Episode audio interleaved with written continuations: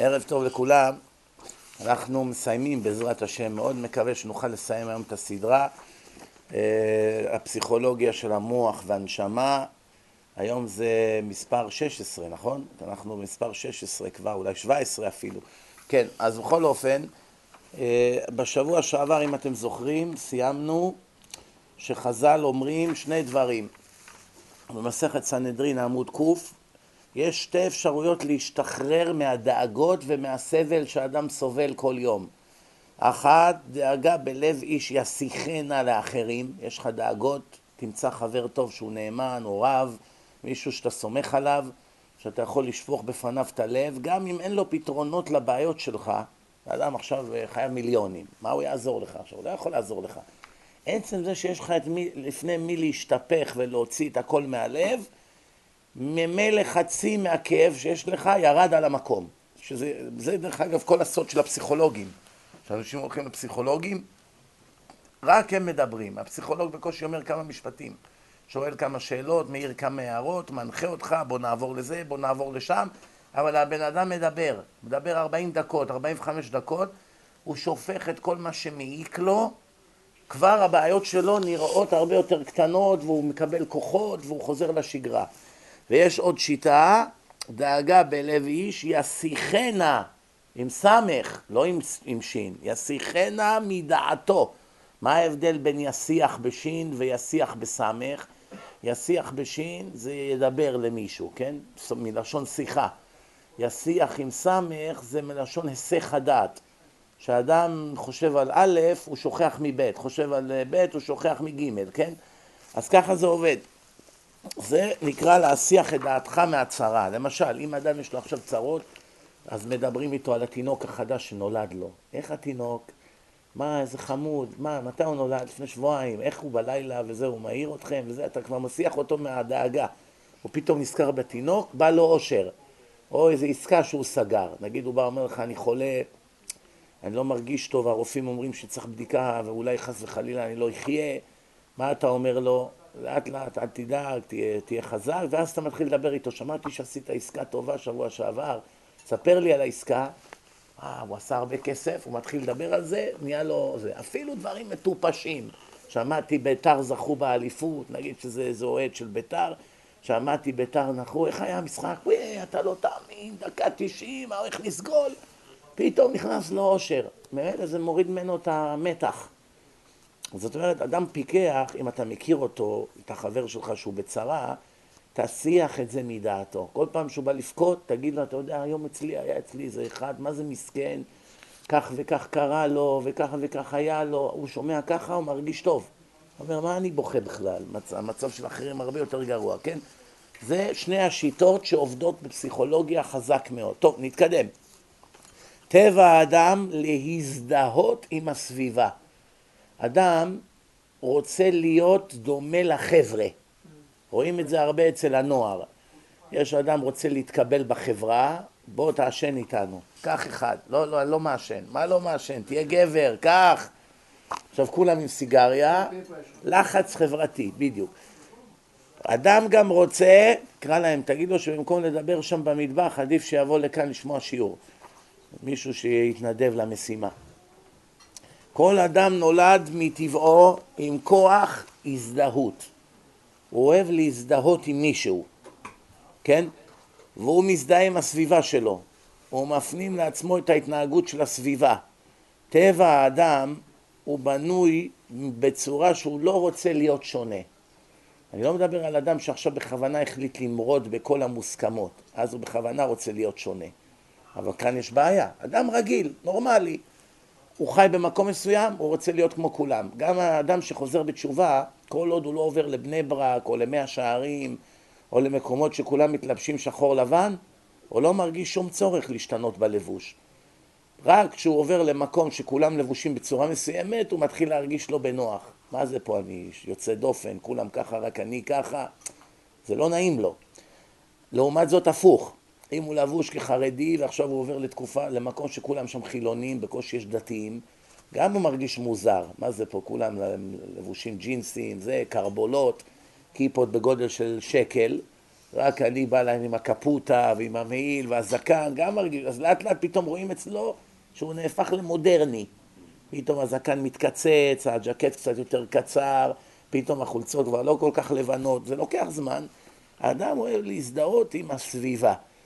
כל מה שהוא קולט על ידי חמשת חושיו, והוא רוכש מהסביבה שהוא נמצא בה, ברגע שהוא נולד הוא מתחיל לרכוש התנהגות מהסביבה שלו. מהרגע שנולדת, בתור תינוק, אתה זוחל בזה, משפחה.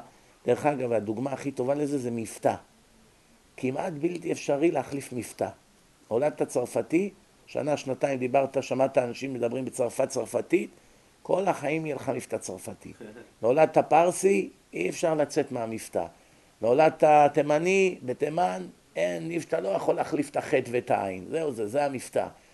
כל אחד והמבטא שלו. נולדת חסיד, הנה יש כאן חסידים, אפילו כאלה שירדו מן הדרך, עד גיל מסוים דיברו יידיש, עכשיו הם לא רוצים שום קשר ליהדות, ליידיש, לכלום, שהם באים, מנסים לשחק אותה אמריקאים, תוך שנייה אני קולט אותם. למה? מהרש של האשכנזית, העברה החסידית, הם לא יכולים לצאת ממילים מסוימות. קשה, להחליף מבטא קשה. הבנתם? למשל, אמריקאי קשה לו להגיד ח, אז הם אומרים ה, מזרחי. לא יכולים להגיד חי. בכלל, חי מהגרון לא קיים אצלם, כן? קשה מאוד לשנות הרגלים. ההרגלים האלה אתה רוכש מההורים ומהסביבה, כן? יש כזה דבר, רבותיי, הזדהות חיובית, ויש כזה דבר הזדהות שלילית. מה זה הזדהות חיובית?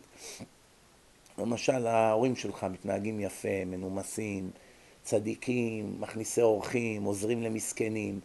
זה הזדהות חיובית, אתה גם כן רוצה להיות ככה. ויש הזדהות שלילית, שאתה לוקח את הרע שבהורים שלך, לא את הטוב. זה שאבא שלך צדיק, מתפלל, לומד תורה, שומר שבת, נותן צדקה, אני יודע מה, מתפלל חזק וקורא תהילים, זה לא מרשים אותך. כמה דברים שליליים בו, עם זה אתה מזדהה. נגיד, הוא קריזיונר, הוא צועק, זה, אתה נהיה כמוהו. מה עם כל הדברים הטובים שלו? לא משפיע עליך. אז איך, איך אדם בוחר? נגיד, יש לך אבא, חציו טוב, חציו רע. איך עכשיו ילד אחד ילמד מהטוב והשני ילמד מהרע? שאלה איך זה נבחר, זה נגזר עליך? זה גזירה משמיים או שזה דבר שאתה בוחר? מצד שני תגידו לי, רגע, מי רוצה לבחור ברע? אדם רוצה מטבעו להיות טוב, השם ברא את האדם ישר. האדם הלך אחרי כל מיני דרכים עקלקלות והוא נהיה עקום. אבל הטבע הטבעי שהאדם רוצה להיות ישר, רוצה להיות טוב, לא רוצה להיות גנב, לא רוצה להיות רוצח, רוצה להיות אהוב, רוצה לאהוב. איזה אדם רוצה להיות שלילי? אלא יש דברים שגורמים לו להיות שלילי. גדל עם עבריינים, עינו אותו, הרביצו לו, ביזו אותו, הורידו לו את הביטחון, הוא לא היה מקובל בחברה, הוא היה עני, כל מיני סיבות שגרמו לו להיות מושתק. השאלה היא כזאת, איך ילד אחד יזדהה עם הטוב שבהורים שלו והשני עם הרע? זו שאלה שצריך להבין אותה מבחינה פסיכולוגית. האם האדם בוחר? התשובה היא לא. אז מאיפה זה בא? מהתת מודע. זה משפיע על התת מודע, והאדם אפילו לא מודע למה נהייתי כזה עצבני. למה אני עצבני כזה? כי אבא שלי עצבני. אבל למה? אני לא אוהב עצבנים. אז למה אני גם ככה? זה דברים שבאים מהתת מודע, נדבר על זה. למשל, יש ההזדהות של האדם עם הסביבה היא במחשבה, אתה חושב כמותם, בדיבור ובמעשה. למשל, כולם מדברים פה בסלנג. ראיתם את השחורים באמריקה? כל אלה שגרים ברחובות, בכנופיות, כל אלה, יש בניו יורק, שיקגו, כל מיני יושבים, כנופיות רחוב. כולם מדברים אותו דבר, כולם בסלנג, כולם אותם קללות, כולם אותם מילים, כולם לבושים אותו דבר, כולם מלאים בקעקועים, שיני זהב, כל מיני קרבולות. אתה לא מוצא שם איזה אחד שיבוא לחבר'ה עם איזה חליפה ועניבה. יש שחורים יותר אה, מתורבתים, בוגרי אוניברסיטאות, למדנים, אנשים כביכול מהטובים שבחברה. ויש כאלה ילדי רחוב, גדלו ברחובות. מיד, תוך שנייה, איך שאתה מכיר את הבן אדם, אתה יודע, זה מהרחוב, זה מהאוניברסיטה. זה אובמה, זה מייק טייסון. אתה מיד יודע את ההבדלים, אתה לא צריך שידברו מילה. איך שאובמה נכנס לחדר, אתה יודע, זה ליברל מהאוניברסיטה. זה נכנס, זה אחד שאוהב להרביץ אגרופים מהשכונה. אתה מיד מבין את זה. איך אתה מבין את זה? כי האדם כבר במראה שלו, הוא מראה לך עם מי הוא מזדהה. אני פעם אמרתי לאיזה בחור, שכל החברים שלו מסוממים, כל מיני טיפוסים, כל מיני פושטקים, זה כבר עצור, זה גנב, זה יש לו תיקים, זה מוכר סמים, זה ישב שנה בית סוהר. אמרתי לו, תגיד לי, למה כל הזבל שבעולם נדבק בך? חשבת פעם? אמרתי לו, החבר'ה האלה שלך, איתי הם ירצו להיות, לבלות בחברתי? לא, הם אלרגיים לאנשים כמוני. הוא לא ירצה לשבת איתי בישיבה, לשמוע איתי קצת גמרא, משהו. רק דקה הוא יישב שם, הוא מיד רוצה לברוח. הוא סובל. למה אצלך הוא יכול להיות איתך שבועות בחדר? אז הוא אומר, מה, הוא, אנחנו אותו ראש, אנחנו חברים. אז אני אמרתי לו, בשירותים הזבובים למה נמשכים? הזבובים זה סימן של יצר הרע, בחז"ל קוראים, יש איזה מאמר בעל זבוב, שמעתם עליו? חז"ל אומרים שזבובים הם משולים ליצר הרע. למה? מי יודע למה?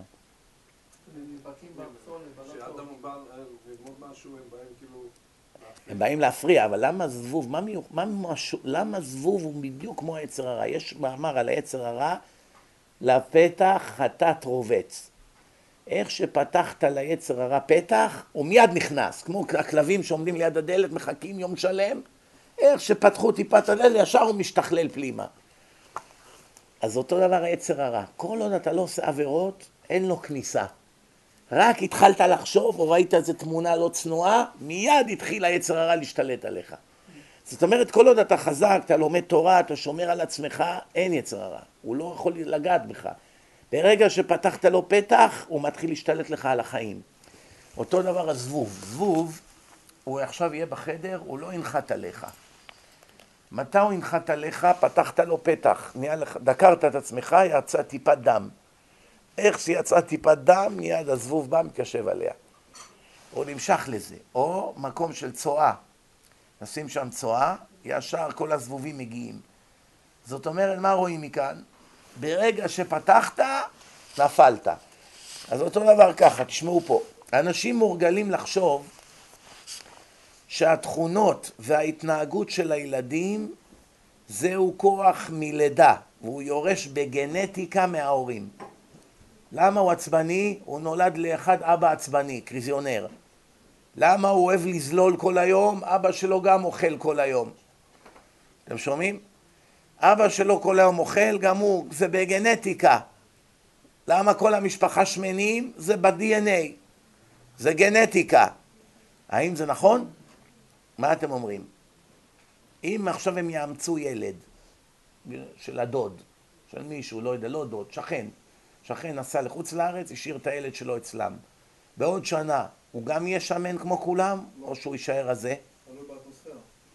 אם הוא חי במשפחה שכל היום זוללים, מרק תימני, עוברים לסושי, עוברים לשניצלים, אחר כך דיזרט, אחר כך פירות, עוד פעם מרק תימני. כל היום וכל הלילה, מה קורה לבטן? מתנפחת, נכון? עכשיו, אם נביא אחד שהוא בא ממשפחה של אנשים רזים, ונשים אותו במשפחה של אנשים שכל היום זוללים, בעוד שנה הוא גם כן יהיה, או שהוא יישאר רזה, מה אתם אומרים? בואו נראה מה הוא אומר, תשמעו טוב. אנשים חושבים שההתנהגות של הילדים והתכונות שלהם זה כוח שהם נולדים איתו. הם יורשים את זה בגנטיקה מההורים. ככה, זה ב-DNA שלי, מה אתה רוצה? זה כבר נגזר עליי, זהו. ואולם בדרך כלל זה לא נכון. נכון שיש כזה דבר, מטאבוליזם, DNA, עיניים סיני, הוא גם כן יש לו עיניים סיניים כמו של אבא שלו. רואים שה-DNA משפיע, אתה לא יכול להתכחש לזה. אבל אני מדבר עכשיו על תכונות, על מידות. האם יורשים מההורים מידות איך שנולדת, או שזה דבר שאתה מתחנך אליו? שאם אנחנו נעביר אותך לבית של איזה רב צדיק, בעל מידות, תתחנך להיות צדיק. ואם נשים אותך אצל פושטק, תתחנך להיות פושטק. או שאם נולדת לפושטק, תהיה פושטק, נולדת לצדיק, תהיה צדיק, לא משנה איפה תגדל. מה אתם אומרים? מושפע. מושפע, נכון? יש כלל ידוע, האדם הוא תוצר של הסביבה. קח בן של רב גדול, שים אותו בשכונת עוני עם כל מיני עבריינים, בגיל 16 כבר תראה אותו מלא קעקועים, אקדח בכיס, כל מה שיש לחבר'ה שם גם לא יהיה. הוא, אולי הוא יהיה המנהיג. הוא יכול להיות המנהיג, אבל הוא בן של רב חשוב. כל האחים שלו רבנים, אבל הוא גדל בשכונה. אז הוא נהיה בשכונה. לעומת זאת, קח ילד שנולד בשכונה, גיל שנה, תעביר אותו להתחנך אצל רב גדול. תבוא בגיל עשרים, תראה תלמיד חכם, גמרא, איזה מידות, איזה נקיות, איזה אצילות, איזה עדינות הנפש. תגיד, מה זה? זה בן של רוצח מהשכונה. נכון, כן, אבל הרוצח לא גידל אותו, גידל אותו אדם צדיק, עם מידות טובות וכולי, כן? זאת אומרת, הילד רוכש את זה על ידי כוח ההזדהות. מה זה אדם הוא תוצר של הסביבה? איך אדם נהיה תוצר של הסביבה? הוא מזדהה עם הסביבה. גדלת בטקסס עם כל הגיטריסטים והאופנוענים, אלה עם הזקנים והשערות, כל הטיפוסים האלה עם הקעקועים והג'קטים של האור וארלי דיווידסון. אתה רוצה להיכנס גם כן להיות בחברה. ככה גדלת, זה מה שאתה אוהב. גידלו אותך שזה הדרך. זאת אומרת, אדם מזדהה עם הסביבה שלו. הוא... עכשיו, נכון שלפעמים כשהוא מתעצבן זה נראה בדיוק כמו אבא שלו. הוא דומה לו בפנים. הוא עושה את אותן תנועות. אבא שלו דופק על השולחן, גם הוא דופק על השולחן. אבא שלו עושה ככה, גם הוא עושה ככה. אבא שלו שמתעצבן קם, גם הוא קם. אז הנה, אתה רואה שזה בגנטיקה? לא נכון. העצבים לא בא מהגנטיקה. העצבים זה מידות רעות, שהוא הזדהה איתם וגדל איתם. התנועות גוף, הדמיון לאבא, זה דברים שיכול להיות שבאו לו ועוברים עוברים התנועה של האדם, הצורת הליכה, דברים כאלה זה כן. אבל המידות זה דברים שאדם לומד אותם מהסביבה, מזדהה עם הסביבה. זה נראה כל כך טבעי כאילו שהוא נולד עם זה. ככה זה נראה. הרי הוא מתעצבן בדיוק כמו אבא שלו, בדיוק על אותם דברים שאבא שלו מתעצבן. אז זה גנטי. לא. צריך לדעת לאבחן בדיוק מהו כוח מלידה ומהו כוח שמגיע מגורם חיצוני לאחר הלידה, אחרי שירש אותו מן הסביבה. זאת אומרת, יש דברים בודדים שהם ב-DNA, שזה גנטיקה, וכמעט הכל למדת מהסביבה. לכן כמה זה חשוב באיזה בית ספר תכניס את הילד. תכניס אותו בישיבה טובה, יגדלו אותו למידות, לעמל התורה, ילמד עשר שעות ביום. לא יהיה לו זמן לפשע, להסתובב ברחובות, הוא כל היום בתחת משטר של לימודים. תשים אותו בבית ספר, לא צריך להגיד לכם איזה, השפן קיבל נזלת, כן לציפור, מה יצא ממנו? שם, באים באחד כבר הביתה, כבר ארוז זרוק בים, חבר'ה, קעקועים, בחורות, גיל עשרים, לך תחתן עכשיו אחד כזה. מה לו ולחיים בכלל? זה, זה אין לו שום אחריות, פרק עול, אין לו כלום, מורד בחברה. לך עכשיו תחתן ילד כזה, כן? אז רואים שאיך שאתה שם אותו בסביבה מסוימת, פה כבר גזרת את עתידו. כמה אני מזהיר אנשים לא להכניס ילדים לבית ספר חילוני. לפני איזה חודשיים התחננתי שעה בטלפון לאיזה בחור חילוני שאשתו חזרה בתשובה, והם עשו הסכם שעד כיתה א' הילד יהיה בחינוך חרדי. שמו אותו בחב"ד, זה המקום היחיד שהיה אצלם בסביבה, כיתה א', הוא רוצה להוציא אותו מחב"ד, להכניס אותו בבית ספר חילוני. כמה התחננתי אליו, נתתי לו ממש שעה דרשה אישית, אחד על אחד, בטלפון. הסברתי לו את כל ההיבטים, מה יקרה ואיך הוא יאכל אותה, והוא יצטער על זה, והוא יבכה על זה כל החיים. ו... ובסוף הוא אמר לי כזה, בקושי, איך אומרים? בקושי רב, בסדר.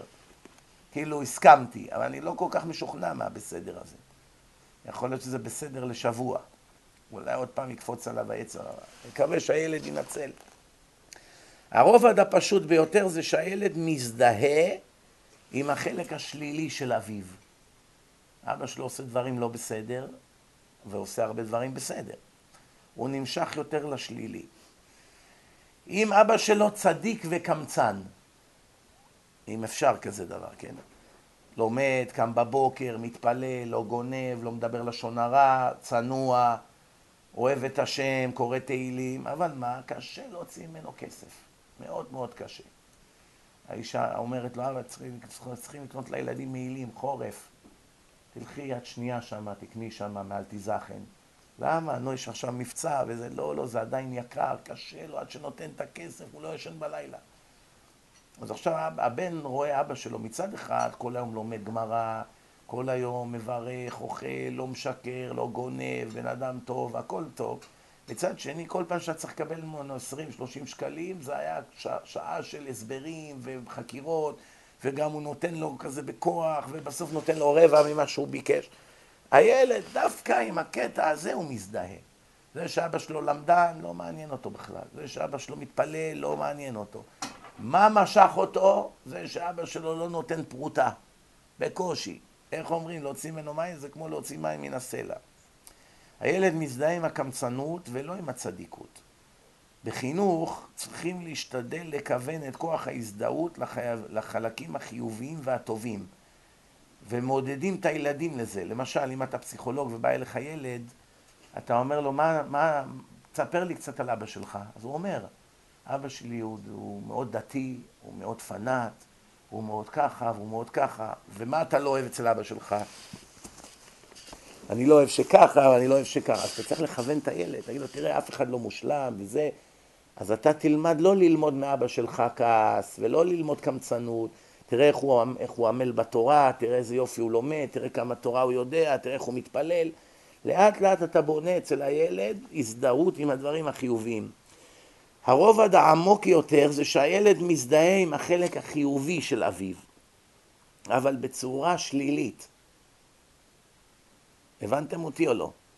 מצד הוא מבין מה אצל אבא שלו חיובי, הוא למדן, הוא מקפיד, הוא מתפלל, הוא זה, אבל הבן מזדהה עם החיובי שבאבא שלו, אבל בצורה שלילית. למשל, אבא שמחמיר מאוד לאכול רק כשרויות מסוימים, מסוימות, רק בד"ץ אוכל. לא נוגע רבנות, לא נוגע כל מיני כשרויות, רק חסידות, כך וכך. רק... אז עכשיו הילד בדווקא יאכל מאכלים מכל סוגי הכשרויות. הוא רואה מה טוב אצל אבא שלו, כביכול דבר שהוא מקפיד עליו מאוד, והוא בדווקא עושה לא כמוהו. זאת אומרת, רואים שהוא כן זיהה את זה שאבא שלו מקפיד מאוד בכשרות, והוא זיהה את זה, והוא מעדיף לעשות בכוונה הפוך. אתם מבינים את ההבדל או לא? מקודם. קודם יש דברים טובים, יש דברים רעים, הוא נדבק ברעים.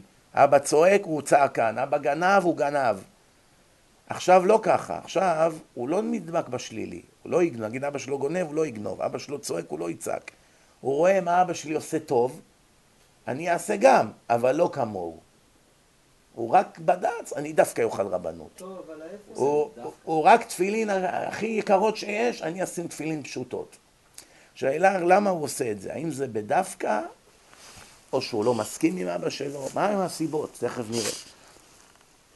ההזדהות זהו קשר לאובייקט, אלא שכאן התגובה היא הפוך מהאובייקט. מצד אחד הוא מתקשר עם אבא שלו, הוא שם לב טוב טוב מה הוא עושה, אבל הוא עושה הפוך ממנו. בגלל שהוא מזדהה עם אבא שלו הוא מגיב שלילי, ועושה דווקא הפוך מאביו. דווקא. זה מאיפה בא? שאלו אותו, אתה שונא את אבא שלך? מה פתאום? אבא שלך בן אדם טוב? בטח, מת עליו. אז למה אתה עושה הכל הפוך ממנו? אבא שלך מתפלל נץ, אתה בכוונה הולך בתשע. אבא שלך מקפיד רש"י רבנו תם, אתה דווקא לא רוצה רבנו תם. אבא שלך אוכל דווקא בד"ץ, אתה בכוונה לא, לא תקפיד בד"ץ, הכל תאכל, כל הכשרויות. אבא שלך מתלבש ככה, אתה בכוונה תתלבש אחרת. זאת אומרת, אתה מזהה את מה שטוב באבא שלך ודווקא עושה הפוך. סימן שאתה לא מכבד אותו, אתה לא מסכים עם דרכו. הוא יגיד לך, לא נכון, אבא שלי באמת צדיק, אני, אני מעריך את מה שהוא עושה. אז למה אתה עושה בהכל הפוך? התשובה היא, רבותיי, פלא פלאים, זה בכלל לא בא מהמודע, זה בא מהתת מודע.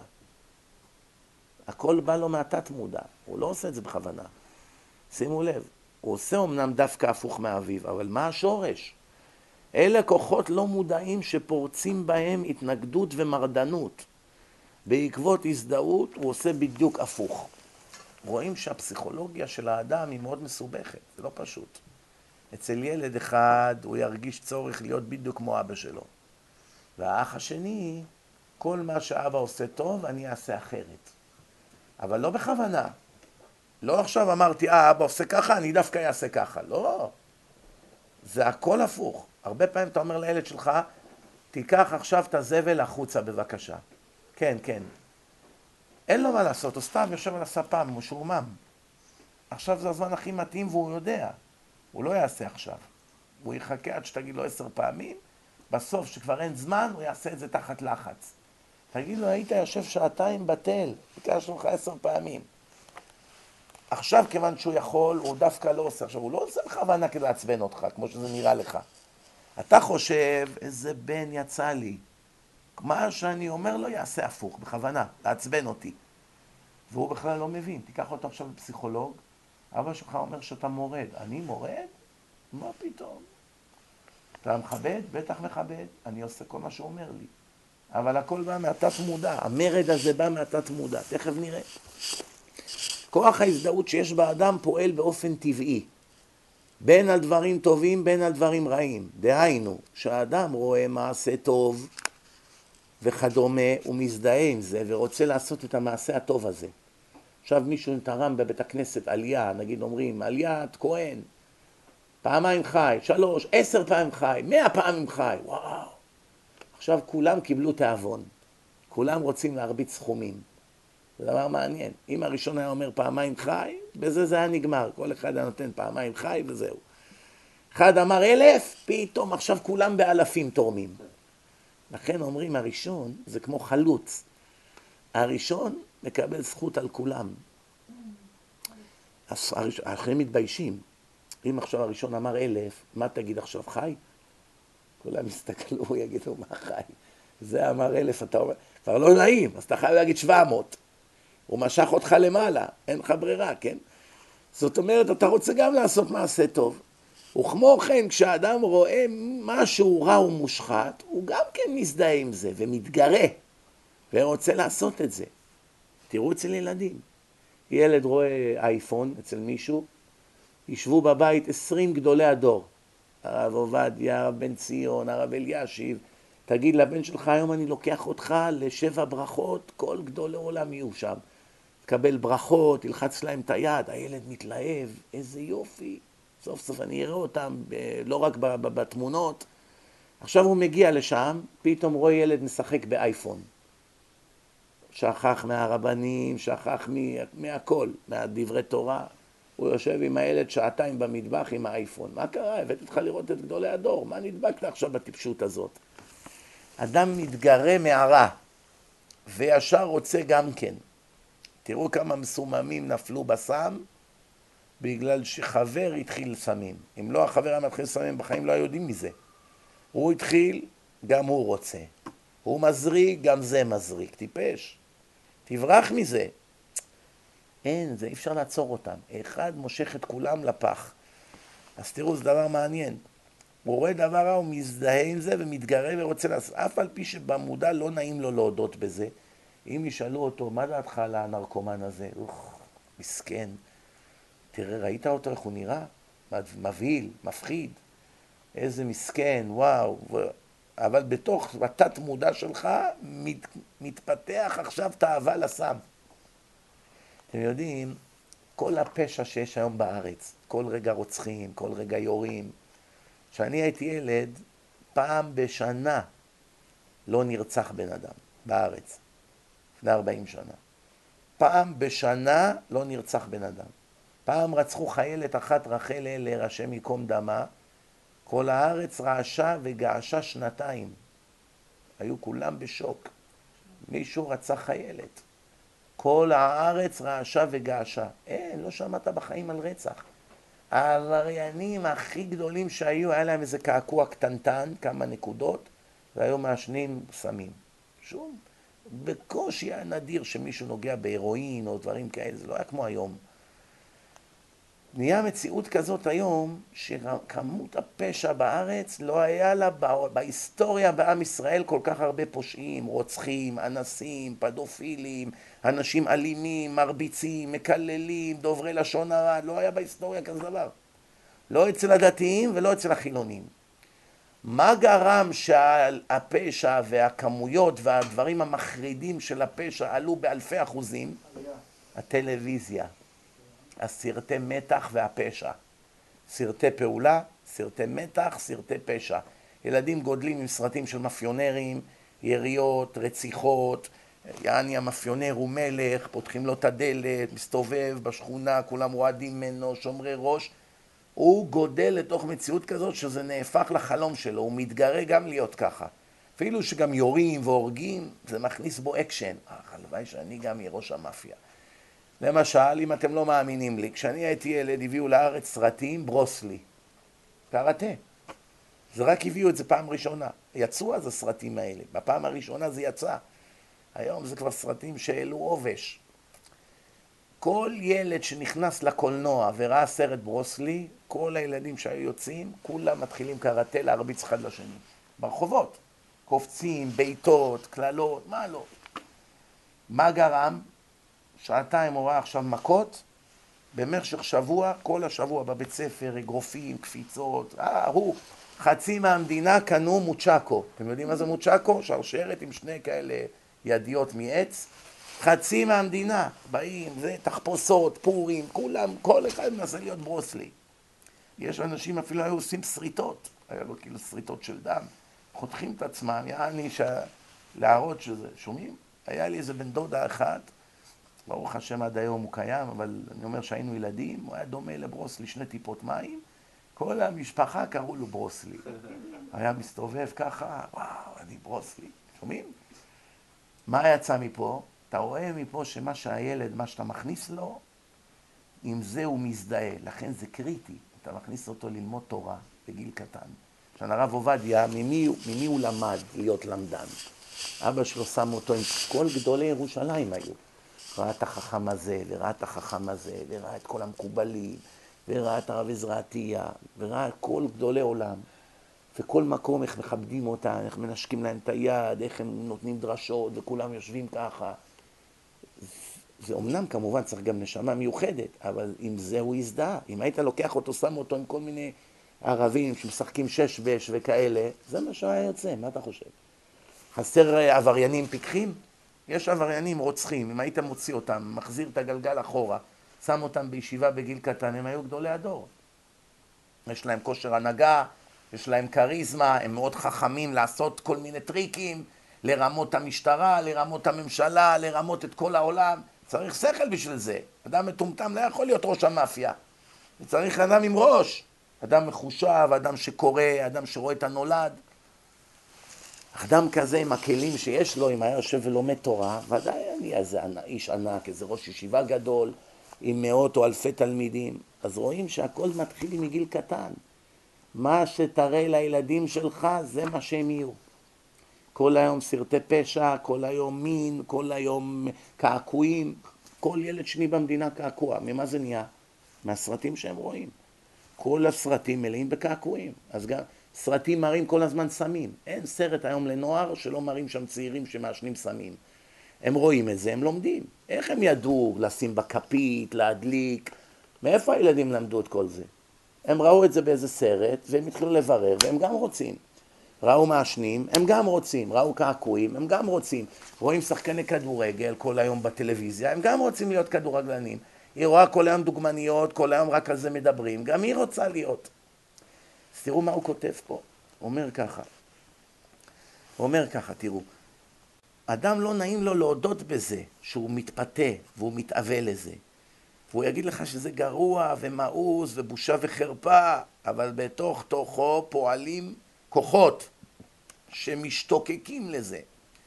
שהוא נחשף לרע, על ידי חמשת, חמשת חושיו, זה מעורר אצלו הזדהות פנימ, פנימית. הרבי מבריסק, הוא אומר, למה הקדוש ברוך הוא הזהיר אותנו להיזהר לא לעשות עבודה זרה של בעל פאור?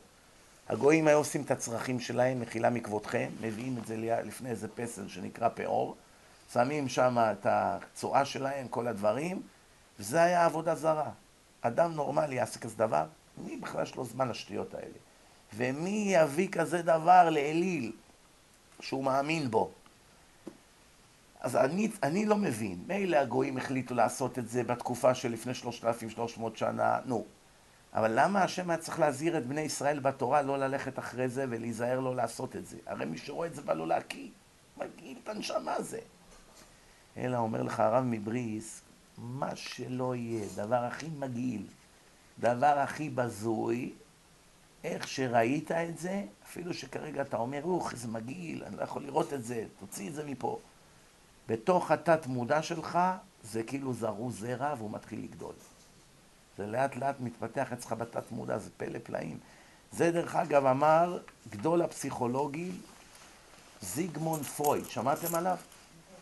הוא מהפכן בתחום הפסיכולוגיה. יש פסיכולוגיה עד זיגמונד פרויד, ויש פסיכולוגיה מזיגמונד פרויד והלאה, שהוא היה יהודי דרך אגב. פרויד היה יהודי? ככה אמר לי איזה מישהו. כן, הוא היה יהודי. כן. לא דתי, אבל יהודי. שומעים? שומעים? בכל אופן, מה הנקודה? הנקודה היא, סיגמונד פרויד הוא מהפכן. מהפכן. מה פירוש מהפכן? בזמנו, הפסיכולוגים האמינו שכל הזמן צריך להגיד לאנשים, תיזהר לא לעשות ככה, תיזהר לא לעשות ככה, תיזהר לא להיות רוצח, תיזהר לא לגנוב, תיזהר לא, תיזהר, תיזהר. בא זיגמונד פרויד, אמר להם, רבותיי, אתם עושים טעות. כמה שאתם תכניסו יותר את הדברים האלה לראש של האנשים, אתם מעוררים אצלם יותר תאווה לעשות את מה שאתם אומרים להם, אסור, אסור, אסור. אז איך זה מסתדר עם התורה? בואו נראה. למדנו מכאן שזהו הטבע האנושי, שיש באדם כוח הזדהות לרע או לטוב. אם הוא ייחשף לזה, זה יכול לעורר אותו לחטוא. אפילו שזה מאוס ומגעיל בעיניו. סוף סוף יש סכנה שעל ידי שהוא יראה את זה, זה יגרום לו לגירוי פנימי, ולה... ואחר כך זה כבר יביא אותו למעשים רעים. עכשיו תשמעו טוב, אם תלך לאוניברסיטה ויגידו לך מי גילה את השיטה הזאת של זיגמונד פרויד, כולם יגידו זיגמונד פרויד. הוא אבי השיטה, כולם נלחמו בו דרך אגב. אף אחד לא קיבל את שיטתו, מרדו בו, נלחמו בו, הוא עבר לא, תלאות לא קלות. בואו נראה קודם כל מה הוא אומר, ובואו אני אראה לכם איזה רב כבר אמר את זה הרבה לפניו. תשמעו טוב. פרויד התווכח עם הסופרים שבתקופתו. הייתה ביניהם מלחמת חורמה. עד כדי כך שלא הסכימו להכניס לאוניברסיטאות את הספרים של תורת פרויד. החרימו אותו. פרויד לא ייכנס פה באוניברסיטה. הוא אמר שהם מרמים את עצמם. במקום לחנך לטוב, הם משחיתים את האנשים. והם טענו, אתה המושחת, לא אנחנו. אנחנו מדברים על מה שאסור. אתה מבחינתך לא רוצה לדבר על מה שאסור. כל הזמן אתה מדבר על, היצ... על היצריות של האדם. הוא אומר שזה טבעי, שהתאוות האלה הן טבעיות, שזה נורמלי. אנחנו אומרים הפוך, אז מי מבינינו צודק? בספרות המודרנית תמיד כותבים סיפורים שמתארים אדם שגונב או אדם שרוצח, נגיד בסיפור מראים, מדברים על רוצח או על גנב, והספרים הם טוענים שעל ידי שיכתבו שהרוצח בסוף המשטרה ירו בו והגנב נכנס ל-20 שנה מאסר והגנב נפל וכל מיני דברים כאלה, זה יפחיד את האנשים לא לרצות להיות כמו הגנבים והרוצחים. בכך שהקורא יראה, ויראה וידע כמה לא טוב להיות גנב ורוצח, שעל ידי שהם מתארים את הגירויים היצריים, אז הקורא ילמד למאוס את הרע וירצה להיות טוב.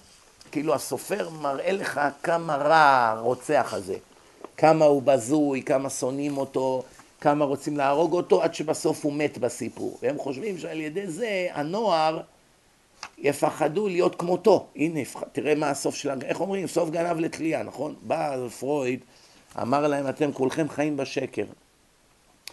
למה אנשים נהנים לקרוא את כל הספרי פשע האלה? אז לא היה טלוויזיה. למה אנשים נהנים כל כך לקרוא ספרי מתח, פעולה, מלחמות, רצח, גנבים מומחים, השוד הגדול? למה אנשים נמשכים לזה כל כך? תראו היום בטלוויזיה איזה סדרות הכי הרבה מושכות קהל. הוא אמר להם, לא כדי להתחנך להיות אנשים מוסריים וטובים, אלא האדם נהנה מהסיפור ומזדהה עם הרע. הלוואי שאני הייתי יכול להיות האיטלקי המאפיונר הזה. פשש, איזה כוח.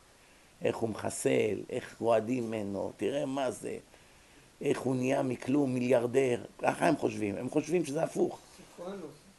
אחת הסדרות הכי מצליחות שהיו אי פעם. נו, ואנשים, לא. ואנשים סופרנוס? מכורים לזה בטח. אה, מה זה סופרנוס? סדרה, סדרה שאמריקאית שמספרת על אה, מאפיונרים איטלקים מניו ג'רזי. כן, היה לה משהו כמו שש עונות, סדרה של HBO, נו. שזה רשת, אחת הרשתות הכי אז הכי הרבה צופים היה. בטח היה שם רציחות וכל מיני מאפיונרים איטלקים. זכו בכל האמי, ודאי, הנה, זהו. תיתן עכשיו איזה סרט שמלמד להיות מוסרי ולמדן וצדיק, כמה כבר אנשים ירצו לראות את זה. תכניס להם שם כל מיני עירום, קללות, יריות, ישר פי מאה יש לך יותר צופים או פי מיליון, כן? פרויד טען, על סמך התיאוריות שלו, שבעצם כל אחד רוצה להיות גנב. כל אדם בתוכו רוצה להיות גנב. אבל יש לו פחד לגנוב שמא יתפוס אותו שוטר. או שיכניס אותו לכלא, או שהוא בכלל יהיה לו בושות, נכון? אם יתפסו אותו. אז הוא עוצר את עצמו. כשהוא קורא את הסיפור של הגנב היה אומץ, הגנב בספר, הוא כן, הוא כן היה לו אומץ. הנה, תראה, הוא עשה את זה, הוא לא כמוני פחדן. הוא בפריצה אחת שדד מיליון דולר והצליח להתחמק מהמשטרה, עצם הקריאה גורמת לו סיפוק יצרי, על ידי שהוא מזדהה בתת מודע שלו עם ההצלחה של הגנב. הוא טען שזה לא עוזר שבסוף הסיפורים הם כותבים מילים נגד החוטא. זה לא יגרום לקורא למאוס את הרע, אלא להפך. כמה שתדבר על אנשים שעושים דברים רעים, זה יותר יעורר אצל הקוראים והצופים רצון לעשות את אותם דברים. גם אם הם לא יגידו, או, איזה רוצח זה מביא, מפחיד, איך אפשר להיות ככה, איזה אכזר, מתוך התת מודע מתפתחת אצלו תאווה לדבר הזה. שומעים? לא סתם השם אמר לא תטורו אחרי לבבכם ואחרי עיניכם אשר אתם זונים אחריהם. אם אתה תתחיל לראות, הלב חומד, הלב נדלק, אי אפשר כבר לעצור. ולכן השם אמר, סגור את העיניים, אל תסתכל ברע. אדם מסתכל בסרט לא צנוע, מיד נכשל אחרי זה בעבירות. אם לא היה מסתכל, לא היה נכשל, לא היה לו תוכנות עכשיו לעשות עבירות. מישהו הדביק לו איזה סרט בטלפון, הסתכל בזה, נכשל. מה קורה אחר כך? מאבד את העולם הבא שלו. מה גרם שפלוני איבד את העולם הבא שלו? סרט של שתי דקות, חמש דקות, שיראו לו, איבד את העולם הבא שלו, כן? אז מה רואים מכאן? שהדברים שאתה רואה מעוררים אצלך בתת מודע תאווה לדבר הזה. גם אם אתה התחנכת נגד זה, גם אם אתה חרדי, בתוך תוכם הם... וואו, איזה... למשל, אני, לפני הרבה שנים, באו לי ילדים מסאטמר במונסי. הלכת לצבא הישראלי? הרי כל הזמן שוטפים להם את המוח כמה הציונים כופרים וכמה הצבא רשעים וכולי. אז הם מבחינתם, אם הם, במה שהם מבינים, עד כמה שהילדים האלה מבינים מה זה חייל ומה זה צבא, מבחינתם זה מפלצת. פתאום הם באים עכשיו לישיבה, יושבים שם בחורים, הם מבינים שחלק מהם היו חיילים, הם גודלים, הם לא ילדים קטנים כבר. היית בצבא? אתה, אתה רואה את העיניים שלהם יוצאות. איך עכשיו הוא מתאווה להיות חייל, הילד החסיד הזה עם הפאות והכובע? מה לו ולזה? הרי כל החיים שלו מילאו לו את הראש כמה זה רע וכמה חיילים הם, הם כוחי ועוצם ידי וזה לא דרך השם ו, ו, ו, וכל מיני סיפורים. איך עכשיו פתאום הוא מראה כזה התלהבות? זה פלא בעיניו. מה רואים מכאן? שכמה שתגיד לה, תיזהר, תיזהר, תיזהר, אתה מדליק אצלו ניצוץ בתת מודע. הוא אמר להם שאנשים נהנים לקרוא סיפורים שמתארים הנאות אסורות, שחיתות, כי האדם ברגשות העמוקים ביותר שלו מזדהה עם הרע. ועצם הקריאה נותנת לו סיפוק והנאה. למה האדם מזדהה עם הרע? כי הקדוש ברוך הוא ברא את האדם עם יצר הרע. זה התפקיד שלו, להחטיא את האדם, וזה הדרך.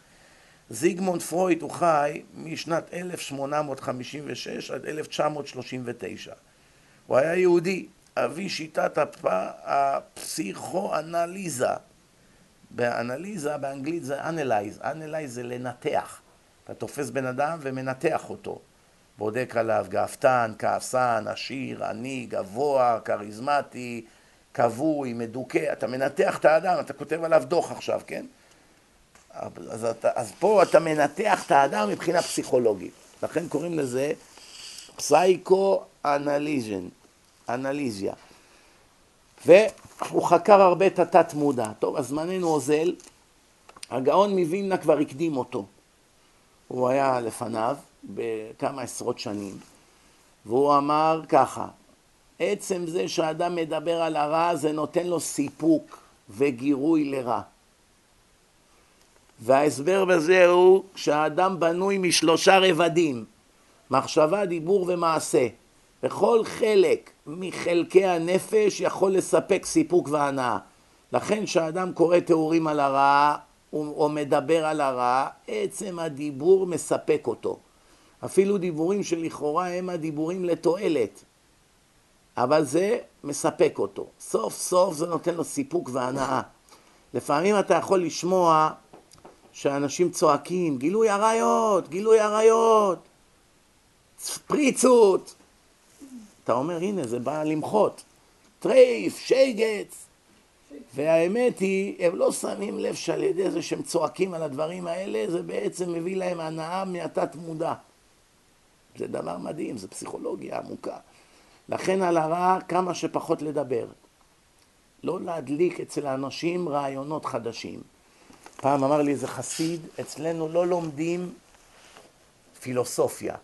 לא לומדים אה, רמח"ל, לא לומדים רמב"ם, רמב"ם מורה נבוכים, לא מתרגמים את הספרים האלה ליידיש, ואנחנו מדברים רק יידיש, אין לנו אפשרות בחיים ללמוד את הספרים האלה. אני, אז היה תמוה בעיניי, היום אני מבין את זה למה. אז לא הבנתי למה. זה היה מוזר בעיניי, כאלה ספרים שהחזירו כל כך הרבה אנשים בתשובה ומוסר וזה, הם מעדיפים לא ללמד בישיבות של החסידים? היום אני מבין למה. אמר לי את זה פעם איזה חסיד אחד, אדם עם ראש פתוח, מאוד חכם, אמר לי, הם לא רוצים לתת לנו רעיונות. לא רוצים לדבר איתנו על דברים שאנשים עושים, על פושעים, על עבירות. לא מדברים על הדברים האלה. שלא יהיה לנו השגה מה זה בכלל. אז עכשיו באמת ככה, תשמעו. לפני חמישים שנה, מצוין, הם צודקים. למה לתת לילדים רעיונות? למה להזכיר לילד את המילה סמים אם בכלל לא יודע מה זה? למה לדבר איתו על אונס אם בחיים שלו הוא לא שמע מה זה? כל החיים שלו בתלמודי תורה. היום הבעיה שהגדרות נפרצו. הגטאות, החומות, נפלו כולם. אינטרנט, טלפונים, הפקרות ברחובות. אתה לא תוכל לסגור את הילד החסיד החמוד הזה שלך לנצח. יום אחד הוא יקבל את זה כרעם ביום בהיר. אז אולי היום, נכון שצריכים לעיין בזה, אולי היום השיטה צריכה להשתנות. אולי היום צריך להקדים תרופה למכה. לא כל כך להתרכז בעבירות ולהתחיל לפתח ולתאר, אבל להגיד שיש כל מיני סטיות וכל מיני דברים שאנשים עושים שזה דברים נוראים וכולי, עד כמה שאפשר לתאר, ואיך מתמודדים עם זה. אני לדעתי, היום יש דבר נורא היום. מעולם לא היה בקרב ציבור שנקרא דתי כל כך הרבה אנשים שעושים עבירות מין. כל שבוע תופסים מישהו אחר. פדופיל הזה, והפד ההוא, וסוטה הזה, וסוטה ההוא, וזה מנצל נשים, וזה עושה ככה. מה הולך פה? איך זה פתאום נהיה הדבר הזה? מה? זה דברים שהיו קורים פעם בדור.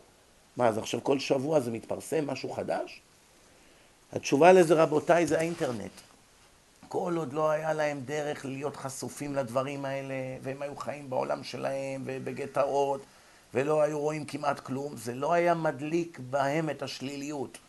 זה לא היה מעורר אותם לעשות דברים כאלה. היום שהם נחשפו, והם יכולים ללכת לכל מיני ספריות וידאו בזמנו, והיום עם האינטרנט וזה, והם סקרנים לראות מה החילונים אוהבים, והם מתחילים לראות את זה, ואז מכאן הנפילה היא דרסטית. עכשיו, תגיד, מה, גם ילד חילוני נופל מזה. נכון, אבל פחות. למה? הוא גדל בתוך זה. מי יותר סובל? אחד שגדל בתוך השירותים או אחד שבמכה הכניסו אותו לשירותים מצחינים? מי כרגע יותר סובל? מי כרגע יותר בשוק? זה שנכנס במכה, זה שגדל בתוך השירותים. נגיד שעכשיו הוא גר בפנים, כל המקום שכונה כולה ריח. הוא גדל בתוך זה. מי שבמכה חוטף את זה, אתה לא יודע איך הוא יגיב. לפעמים הוא יצא מזה, לפעמים השם ירחם, כבר אי אפשר יהיה להציל אותו. אומר הגאון מווילנה, לכן על הרע עדיף כמה שפחות לדבר. כי עצם העיסוק בו הוא גם בעיה. כשאתה רוצה להשפיע על בני אדם להתנהג בטוב, תדבר תמיד על החיובי ועל הטוב. אל תיתן תיאורים רעים, כי עצם העיסוק ברע, אפילו שזה לתועלת, זה נותן סיפוק והנאה ליצרים השליליים. וחלילה זה לבד יכול להיות עבירה. למשל, תגיד רבותיי, אנחנו צריכים לשמור על הקדושה. צריכים להיזהר מאוד, שלא יהיה זרע לבטלה, שלא נראה דברים שאסור לראות. זה דרך אחת. דרך השנייה להגיד, רבותיי, תראו את המופקרים האלה, מה הם עושים. הם עושים ככה, והם הולכים לככה, ולפרוצות, והם משחיתים את זרע, וזה, ולדבר רע, רע, רע, רע. או להגיד, רבותיי, צדיקים שומרים על הברית, צדיקים שומרים על העיניים, צדיקים לא הולכים למקומות כאלה, אנחנו רוצים להיות צדיקים, בואו נשתדל להיות צדיקים. זה שני שיטות, זה שני שיטות דרשות. זה אחד רק שלילי, שלילי, שלילי. זה אחד רק חיובי, חיובי, חיובי.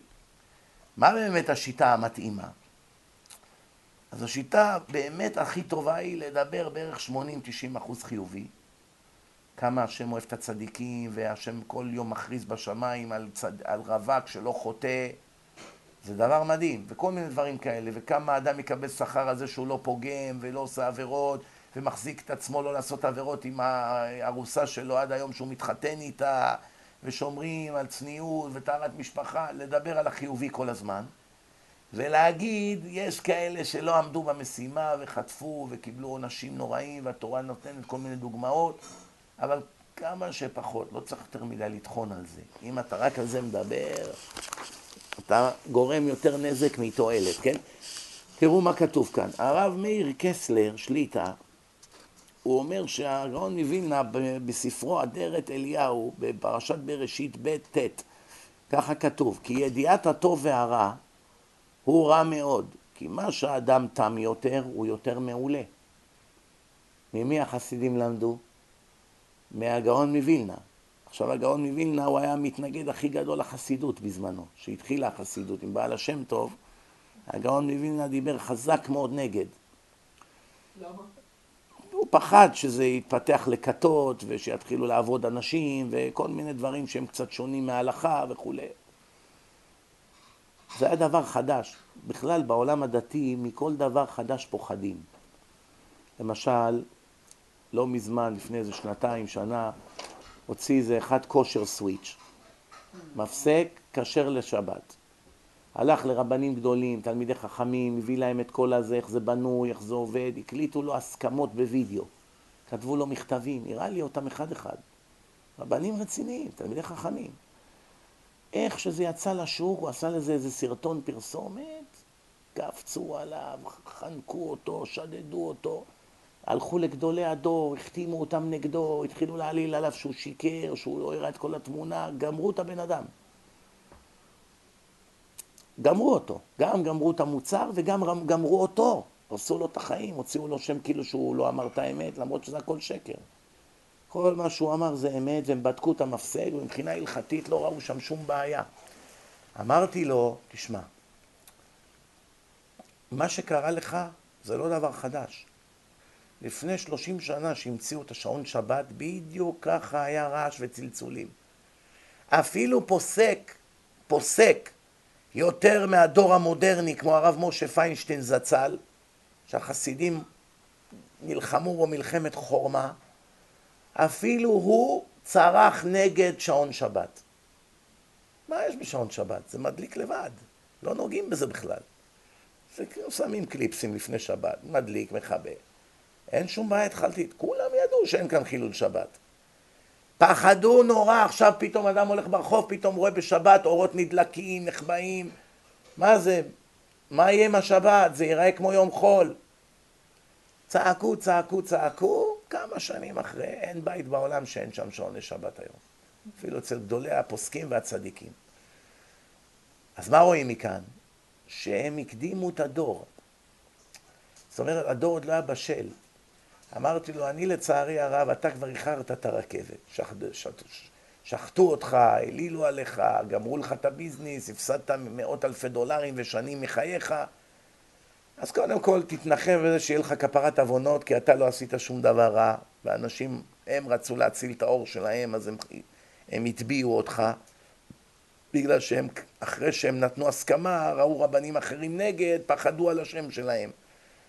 אז קודם כל אתה נקי והעלילו עליך עלילה, אשריך, בעולם הבא אתה מלך, כפרת עוונות. מצד שני, יום אחד יעשו את זה ויצילו אלפי אלפים של חילונים. אתם יודעים, למשל יש לך משפחה, בני דודים, חברים, הם מתחזקים, שומרים דרשות, אבל לא שומרים שבת. ברגע שאתה מתקין להם את המפסקים האלה בבית, כל השבת הם מדליקים, מכבים, מדליקים, מכבים, לא עשו חילול שבת דאורייתא אחד. נכון שזה לא, זה לא שבת כמו שצריך, אבל לפחות הם לא נכשלים בייסורי דאורייתא. אז אתה כבר מציל את ההורים שלך, מציל את האחים שלך, אתה לא צריך להשתמש בזה, אתה שומר שבת, אבל הם, הם כרגע מדליקים מנורות שזה איסור דאורייתא. שים להם הפסק, סקושר סוויץ', לפחות לא ייכשלו בייסורי סקילה וכרת. תאר לך שכל החילונים בארץ היה להם את הכושר סוויץ'. אחד לא היה עושה איסור דאורייתא, חוץ מהמכוניות. אני מדבר על האורות, האורות שמדליקים חשמל, מדליק, מכבה, אני יודע, מזגנים, כל הדברים האלה. שום דבר מהם לא היה איסור, כי המחשב היה בוחר מתי להדליק. אתה, בזה שאתה לוחץ, אתה רק מזיז איזה חתיכת פלסטיק, המחשב יחליט, הוא שולח כל מיני פולסים ואחד מהם יתפוס. זה פעולה שגורמת לפעולה, שגורמת לפעולה. בקיצור, ודאי אין כאן איסור דאורייתא. אולי איסור דרבנן, אולי עובדן דחול, בסדר, אבל דאורייתא כולם מסכימים, אין כאן כרת ואין כאן סקילה. נו, לא שווה להציל 80% מעם ישראל מכרת וסקילה מאות פעמים כל שבת? הרי כל פעם שמדליקים איסור סקילה חדש. עוד פעם הדליק, עוד סקילה. הניע את האוטו, סקילה. לחץ על הגז, עוד סקילה. הדליק את האיתות, עוד סקילה. יש לו מיליוני סקילות. אם תוריד לו את זה לאלף סקילות, במקום מיליון אלף, זה טוב או לא? הרי בסוף הוא יצטרך לשלם על כל המיליון. הורדת לו לאלף. אדם שלך מיליון דולר והורדת לו את החוב לאלף דולר. אתה צדיק או לא? צדיק גדול, נכון? עזרת לו. אומרים, רגע, אבל לא הורדת את זה לאפס. חזק וברוך, תודה שאתה יודע חשבון. אבל הורדתי לו את זה ב-90 אחוז.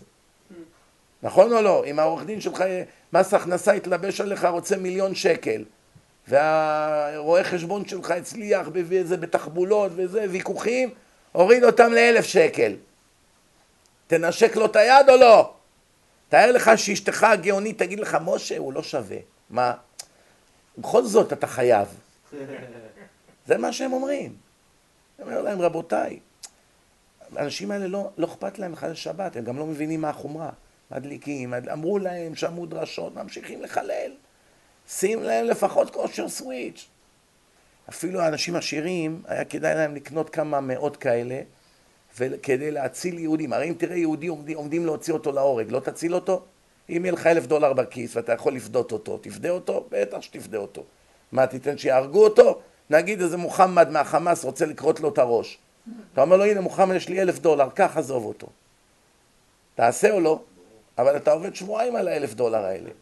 לא רק שתעשה, גם תלך שנתיים בהרגשה, אני מלך העולם. איזה כיף. פעם אמרתי לזה אחד, תנסה חודש לא לרמות בביזנס. שום שקר לא להגיד ללקוחות, כלום. לא לרמות, לא. אומרים לך זה מהיום, תגיד לא, זה מאתמול. זה אמיתי? לא, זה, זה סוג ב'. הכל תגיד את האמת. אף פעם אל תנצל, אל תשנה מחירים, כלום. חודש תנסה, תראה איך תשתחרר. אחרי יומיים הוא אומר לי, אני אגיד לך את האמת, בחיים שלי לא הרגשתי טוב כמו עכשיו. טוב בנשמה. אמרתי לו, למה? הוא אומר לי, עזרתי לחבר, פעם ראשונה בחיים נתתי לו הלוואה בלי ריבית. כל האנשים עד היום קראתי אותם, תן לי זה, אני אתן לך, תחזיר לי 20 אחוז. ראיתי מישהו שבאמת צריך, אמרתי לו, הנה, קח, תיתן לי עשרה צ'קים כל חודש, בלי ריבית. איך הבן אדם מתפעל, וכמה הוא בירך אותי, ואשתו, והיה להם דמעות בעיניים, תודה, אתה מציל אותנו. עכשיו, ערב פסח. אומר לי, בחיים שלי לא הרגשתי טוב כמו בשעתיים, שלוש האחרונות. מרגיש נפלא. הרגשה נפלאה. מאיפה זה בהרגשה? הרי הפסדת כסף. נתת עכשיו כסף, מי יודע מתי תראה אותו. זו הרגשה נפלאה. אם הוא היה נותן להם ב-20% ריבית, אז הוא היה מרגיש טוב שהוא הולך לעשות כסף, אבל שום הרגשה בנשמה לא הייתה לו. מה רואים מכאן? כשאדם עושה מצווה גדולה, זה מביא לו שמחה ואור בנשמה, זה לא צחוק. אז באמת, הגאון מווילנה אומר, ידיעת הטוב והרע הוא רע מאוד, כי מה שהאדם תם יותר הוא יותר מעולה. אל תגיד ליד הילדים שלך שום דבר. אל תדבר על דברים כאלה ליד הילדים. אל תגיד את המילה הומו ליד הילד שלך, אל תגיד את המילה הזאת ואל תגיד זה. אפילו הרב שלי אמר לי פעם שהוא היה נער, ילד, ילד, לא נער, אבא שלו הלך איתו ברחוב, הוא אמר לו, אבא, מה זה גירושין? אבא שלו התחלחל מהאינסטינקט, נתן לו סטירה. הוא בא אחר כך הביתה, הוא שואל את אימא שלו, אימא, מה זה גירושין שאבא כל כך כועס? זה מילה רעה? לא ידע מה זה. אז אימא, מי לימד אותך את המילה הזאת? מה רואים מכאן? הם אפילו דברים כאלה לא דיברו ליד הילדים. אל תתן להם רעיונות. זה בא מהגאון מווילנה, שפיו הוא השמירה לכל הנפש. ומה כתוב? שפה ומילה שניהם מכוונים אחד כנגד זה, ברית מילה הכוונה. מה שיוצא לך מהפה מראה, מראה כמה אתה צנוע בעבר המין, כמה עבירות אתה עושה. כמה שהפה שלך יותר מלוכלך, כמה שאתה מקלל יותר, כמה שאתה מוציא כל מיני מילים, מילות שהן לא צנועות, זה מראה, מעיד שאתה פגום בברית. זה נקרא ברית המעור, בעין, ברית מילה זה נקרא ברית המעור, ברית הפה, ברית שהשם קראת איתנו, דברים שיוצאים מהפה, וברית המאור מכוונים זה כנגד זה. שומעים? וכמו שזה מוליד עניינים גופניים, כך זה מוליד עניינים רוחניים. העבר של האדם מוליד גופות, והפה מוליד נשמות. אתה עושה דברים רוחניים, אתה מוליד דברים רוחניים שלא היו בעולם. לכן הם מכוונים זה כנגד זה, אחד פיזי ואחד רוחני. נמצא שדיבור בדבר עבירה מוליד מציאות של עבירה. עצם זה שאתה מדבר על זה, זה יוליך למעשה. זה לא פשוט. כמו שבמעשה העבירה, הרהורי עבירה קשים מהעבירה, הגמרא אומרת, במסכת יומא, כ"ט. הרהורי עבירה, תאוות נשים קשים להחיש את בשרו יותר מגופו של מעשה. אדם שעושה הרבה בעילות, כמה שיותר שופך את זרעו, כך הוא מזדקן יותר. שיניו נחלשות, יוצא לו ריח מבית השחי, הוא נהיה יותר שעיר, יש לו ריח רע מהפה, הוא מקריח יותר מהר, מאור עיניו נחלש, כל מיני בעיות, רשימה שלמה בזוהר, אפילו הרמב"ם אומר, שזה הדבר שהכי הרבה פוגע בבריאות. לכן אדם, שלמה המלך אמר, אל תיתן את חיליך, את הכוח שלך, לנשים. אז באמת יוצא פה דבר מעניין. אומר לך, שאם אתה לא עושה, אבל אתה חושב על זה כל הזמן, חושב על הבחורות, חושב על העבירות שהיית עושה פעם, היום אתה פוחד, אתה פוחד שהשם יעניש אותך, אתה פוחד שיפגעו לך בפרנסה, אתה פוחד מכל מיני עוני, מדברים. אבל אתה עצם שאתה עכשיו נזכר בהיא ובהוא, בכל הדברים שהיית עושה. ההרהורים, או יש לך מישהי בעבודה שאתה מסתכל עליה והיא לא צנועה וכולי, ההרהורים גורמים לך נזק בריאותי יותר מהמעשה עצמו. זה הרבה לא יודעים. הוא אומר, מה אני, אני לא נוגע, אני דתי, מה אני לא אעז בחיים, מה אני אבוא עם כיפה וציצית, אעשה עבירות, השתגעת? להסתכל קשה, לפעמים אני לא, לא מחזיק מעמד. אבל זה לא רק ההסתכלות, הסתכלות מוליכה להרהורים, לדמיונות, ואז זה כבר נוצר אצלך כמעט במעשה, כמעט.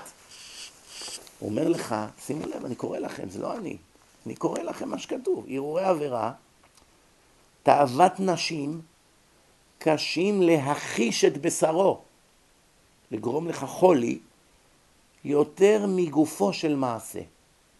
זה כתוב בגמרא, הרהורי עבירה קשים מן העבירה. אדם הלך עשה עבירה עם אישה שעה. שעה פגע בעצמו, בבריאות, ברוחניות, הכל. אדם חושב, חושב, לא עושה, אבל חושב הרבה, כל הזמן חושב, כל יום, כל שעה, כל שעתיים.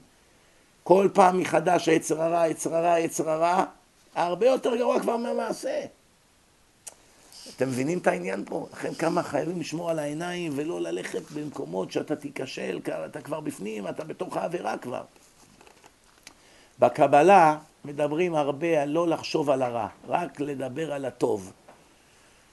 קוראים לזה בקבלה, יש שני סוגי צדיקים, צדיקים מהירים וצדיקים שאינם מהירים. מה זה צדיקים מהירים? צדיקים שמדברים רק על חיובי. תהיה צדיק, תעמול בתורה.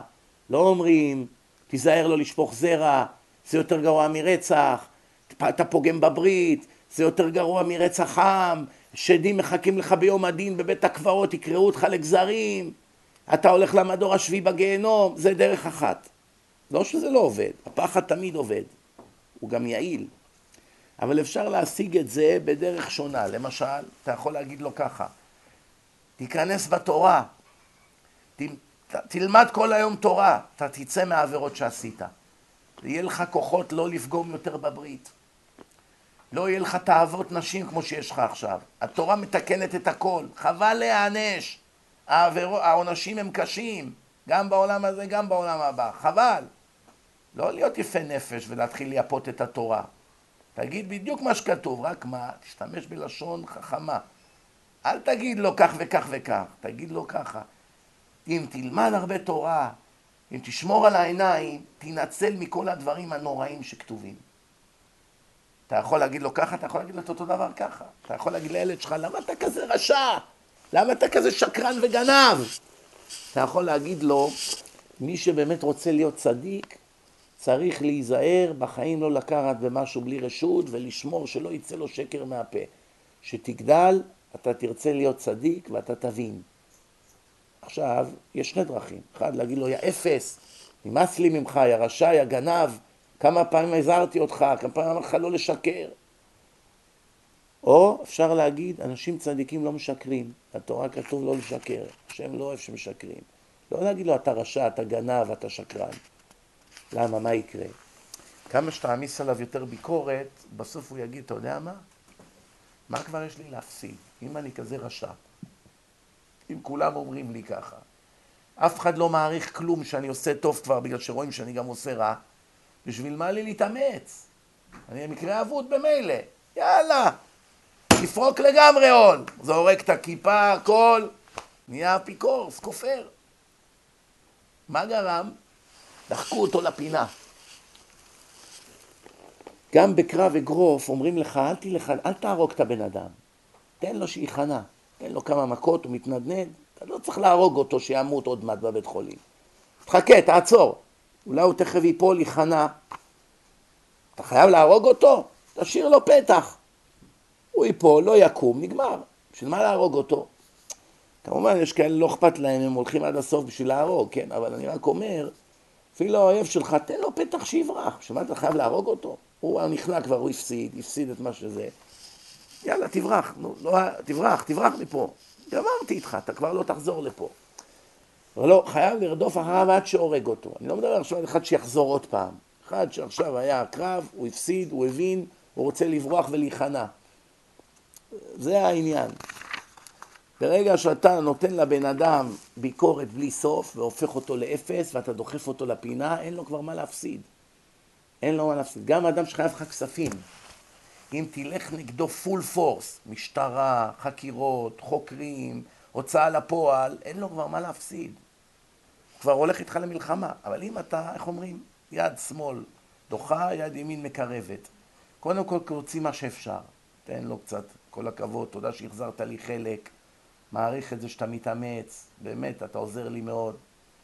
אם, מתי אפשר לבוא עוד פעם לקבל עוד צ'ק? תראה שזה לפעמים עובד יותר טוב. אבל ברגע שאתה כבר הלכת, אמרת לו, אני הולך למשטרה, אני תובע אותך, אני זה, מה, למה שייתן לך? אתה ממילא תובע אותו. ולא השארת לו, לא השארת לו רצון לעשות טוב. זה מה שאמרתי לאיזה גיורת אחת, היא עובדת באיזה מקום, היא מבשלת. הם חייבים לה איזה שלוש אלף דולר. ונותנים לה קצת קצת כל פעם, והחוף כל פעם גודל. ואין לה מספיק לחיות, מנצלים אותה. אמרתי לה, תגידי להם שאת צריכה את כל הכסף. לא יכולה לצבור אצלם תוכנית חיסכון. אז אמרו לה שזה מה שיש כרגע, אנחנו יכולים לתת לך כך וכך, לא נותנים לה. אז היא אמרה, אני לא יכולה לעבוד, ההוצאות, הנסיעות, אין לי כסף, אני לא יכולה לבוא לעבודה. אז היא לא הלכה יותר. אין לה, באמת אין לה כסף, היא לא יכולה ללכת לעבוד. אמרו לה, את השבועיים האחרונים אנחנו לא משלמים לך. שבועיים עבודה. על זה שעזבת ככה וזה. אז, אה, אז אמרתי לה, אז היא אמרה, אני דיברתי עם עורך דין, הוא אמר שיש לי תביעה חמורה מאוד נגדם. הוא לפחות 50 אלף דולר יוצאים מהם, לא אלפיים שלוש. קודם כל, הם לא שילמו לי, הם ניצלו אותי, הם עשו לי ככה, עשו לי ככה, וגם מסתבר גם שבכלל אסור להם היה להעסיק אותם, בכלל הם הסתבכו. אז אני אמרתי לה, אל תעשי את זה עם העורך דין. אנחנו לא, היהדות זה לא נקמות. רצית לגנוב לי אלפיים, אני אקבור אותך בחמישים אלף. זה לא עובד ככה.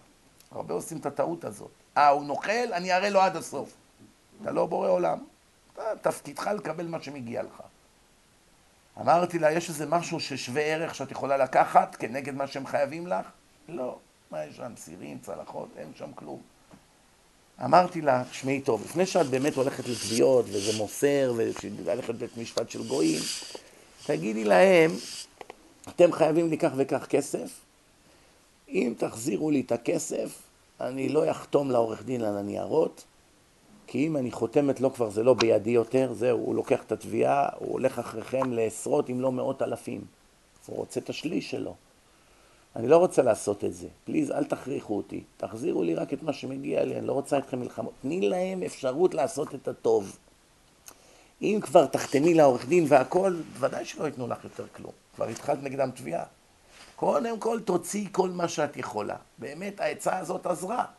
נתנו לה כבר 700 דולר לפני שבוע, היום נתנו לה עוד 720. עדיין חייבים לה 2,000 ומשהו דולר. זאת אומרת, קצת היא, היא כבר הוציאה. עכשיו, אמרתי לה, על השאר את תמיד יכולה אחרי זה לעשות. בינתיים תוציאי משהו.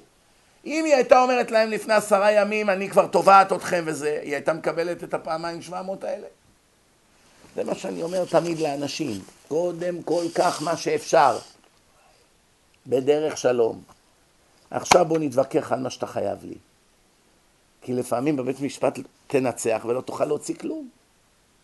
יברח, מאיפה אתה, מה תעשה? ממש לפני שמסיימים, הוא אומר ככה, ככל שתדבר על הטוב, תדרבן אותו לטוב. הוא יושפע וירצה להיות טוב. אבל אם תדבר רק על הרע, אז תגרום אצלו תאווה לרע, שזה מסוכן מאוד. עדיף כל הזמן טוב, טוב, תהיה טוב, תהיה צדיק, אם תהיה טוב אני אתן לך פרס. כדאי לתת לילדים הרבה פרסים בדורנו, יותר מאשר עונשים כשהם עושים רע. כי הילד מאוד ישמח אם תיתן לו פרס. אם תוציא תעודה כל א', אני קונה לך אופניים. נהיה לו מוטיבציה. אתה יכול להגיד לו, אם לא תוציא הכל א', אתה לא הולך לקייטנה הקיץ. בצורה שלילית. הוא בתחת לחצים, הוא מפתח שנאה. הכל פה באיומים, הוא לא נהנה. עדיף שתגיד לו, אם תהיה טוב, תקבל כך וכך, אני אתן לך כסף, אני אקח אותך איתי לארץ. אתה יכול גם להגיד לו, אם לא תהיה טוב, אני אכניס אותך שבוע לעונש. לא תקבל כסף, לא תקבל זה, לא תקבל... זה גם שיטה, אבל איזו שיטה עדיפה, ודאי שלהגיד לו, תדרבן אותו, תהיה צדיק, תראה את הרב הזה, תקרא את הספר של החכם בן ציון, תקרא על הרב עובדיה, תקרא על הגאון מווילנה, תראה איזה אנשים היו בעולם, תקרא עליהם. זה מעורר אצלו רצון להיות כמוהו, לחקות אותו. רש"י, בפרשת וישב, שימו לב מה הוא אומר. כשהייתי מדריך במדרשייה בפרדס חנה, שנת תש"ח. מה זה שנת תש"ח? שנת 708.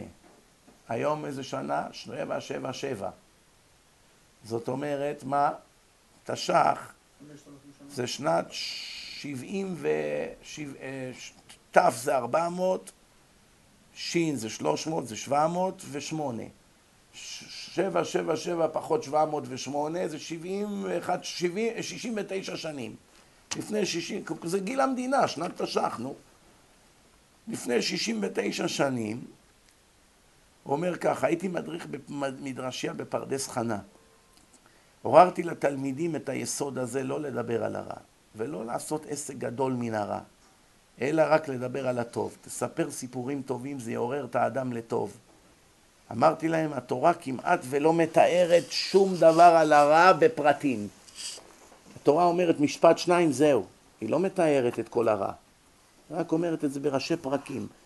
למשל, אם איזה מוזכר איזה משהו רע בתורה, רק האדם ידע שאסור לעשות את זה, איך הוא ידע אם לא יהיה כתוב? אבל הוא אומר ככה, בעבודה זרה, התורה דיברה על עבודה זרה, זו עבירה חמורה, זה עונש מוות.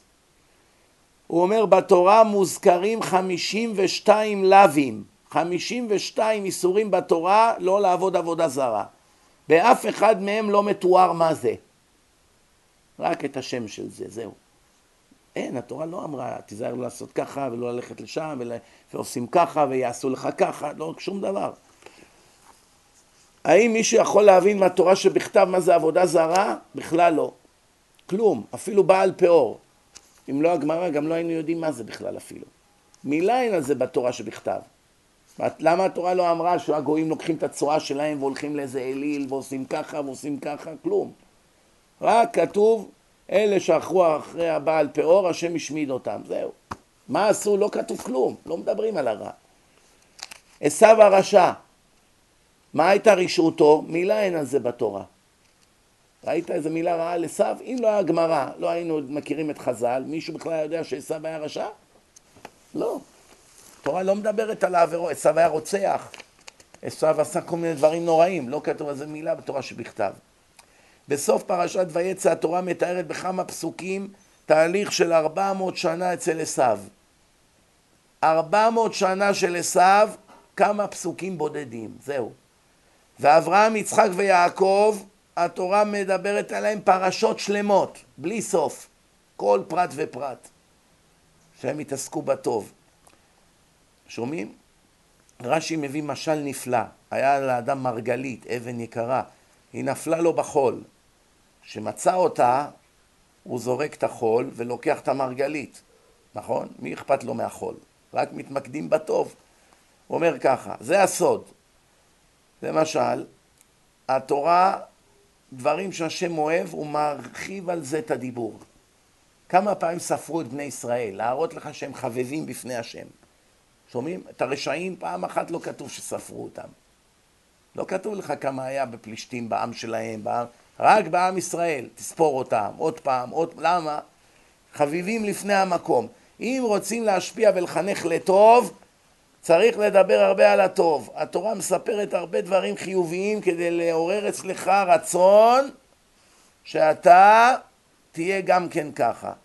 למשל, כל מה שאנחנו אומרים עכשיו לא להתעסק עם הרע, זה דווקא כלפי הדיבור, בשיחות, אבל חייבים להיזהר מהרע. חייבים לדעת שיש הרבה רע בעולם ואסור לגעת בזה, כן? זה לא שעכשיו לגמרי תחביא את זה, אנשים לא ידעו מה זה מחלל שבת, לא ידעו מה זה עובד עבודה זרה, לא ידעו מה זה גנב, לא ידעו מה זה נואף. חייבים שידעו, חייבים שיזהרו מזה, אבל לא יותר מדי רק על זה לדבר כל הזמן. שומעים? ישנם הרבה דרכים איך לעורר תלמיד או ילד לעשות טוב. רב, זלמן, רב איסר זלמן מלצר, ראו אותו עולה במדרגות ביתו, מגיע לדלת, נעצר. נעמד מחוץ לדלת, מקשיב, כמה שניות, יורד חזרה. רבע שעה אחרי עולה עוד פעם, עושה ככה, יורד. עולה, יורד. אמרו לו, כבוד הרב, חזרת מהשיעור לפני שעה, למה אתה לא נכנס לבית? אמר, אם היית, כשהגעתי הביתה שמעתי שהעוזרת שרה. שרה לעצמה שירים, המנקה. אם אני אכנס לבית, היא מיד תפסיק, היא יודעת שאסור לאישה לשיר ליד גבר. הבחורה הזאת ענייה מאוד ומסכנה, כמה הנאות כבר יש לה בחיים. מה יש לה כבר בחיים לאישה הזאת? אם אני אכנס הביתה, אני אמנע ממנה את הקצת הנאה שיש לה לשיר.